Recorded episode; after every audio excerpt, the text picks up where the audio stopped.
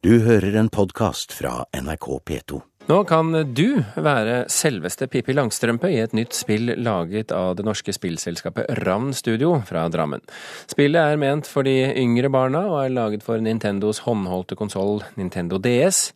Spillanmelder i Filmpolitiet i NRK P3 Andreas Hadsel Oppsvik. Rollefiguren i spillet er jo kjent for de fleste, Astrid Lindgrens Pippi Langstrømpe, men hva slags type spill er det?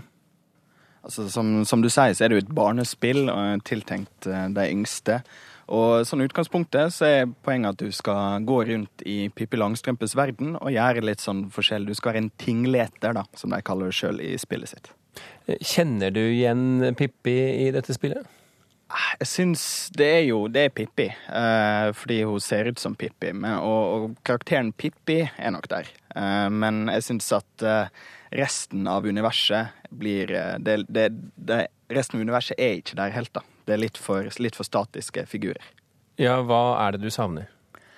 Jeg skulle gjerne hatt med de politikonstablene, eksempel, som eh, Kling og Klang, som en kjenner fra, fra bøkene og for så vidt også filmene, og sånn Prusseluskan og det her. Men, men, stort sett så er det, det er gjort veldig enkelt, da. Det har forenkla universet veldig. Så det ser kanskje ut som, eh, som området rundt Villekulla, men om, eh, om, jeg klarer å leve meg inn i det? Nei, det får jeg ikke helt til.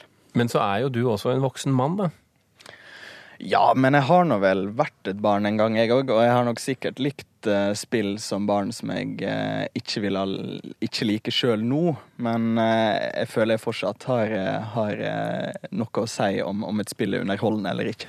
Men hva er det du syns mangler rent sånn underholdningsmessig her? En, en ting er at universet er litt nedskrumpet, men, men underholdningsmessig?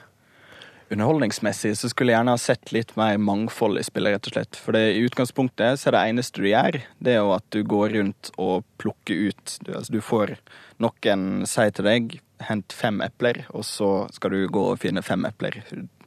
Gjemt på hustak eller rundt om i denne byen.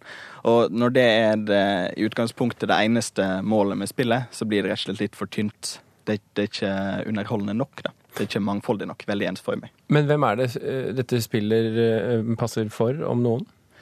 Eh, spillet er jo lagd for aldersgruppa vel da fire til ti år, og det er klart, de følger kanskje ikke med på de samme litt tyngre historiene som, og, og, avanserte historiene som, som andre litt eldre spillere gjør. Men jeg syns likevel at det her er litt for enkelt, altså.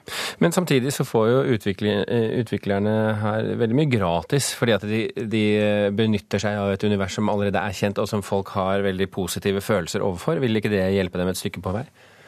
Jo, og det er klart blodfans eh, vil jo alltid finne glede i noe som har riktig navn på seg, men det her er jo et, eh, et velkjent problem eh, i dataspillbransjen fra før av, det at, at utviklere gjerne tar eh, jeg har en følelse av at utviklere fort kan ta litt lett på nettopp denne typen ting, fordi de, de, de vet at de kan tjene penger på navnet alene.